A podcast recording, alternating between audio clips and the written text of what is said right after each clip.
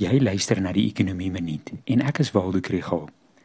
Die afgelope week het Eskom hoof Andrei de Ruyter ons laat skrik toe hy by geleentheid gepraat het van fase 15 beerdkrag. Ek het gedink alles eindig by fase 8.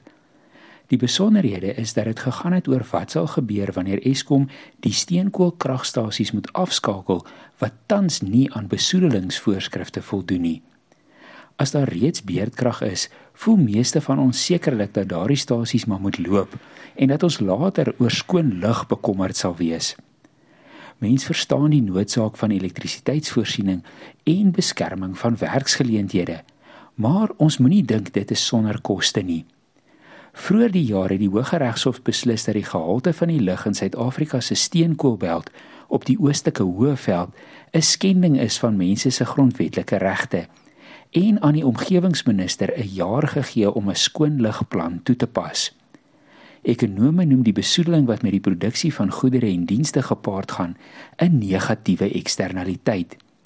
Dit is negatief want die koolsuurgas, swaar metale of plastiekrommel is nadelig vir die gemeenskap. Dit is ekstern tot die prysstelsel want die skade van die besoedeling word nie verreken in die prys van die produk nie. Die breë gemeenskap dra wel die koste en in die vorm van swak gesondheidsuitkomste. Dit is eintlik nog 'n goeie rede om te belê in hernubare energie. Sonkrag en windplase gaan nie net ons beerdkragprobleme verlig nie, maar ook help om die lug skoner te kry.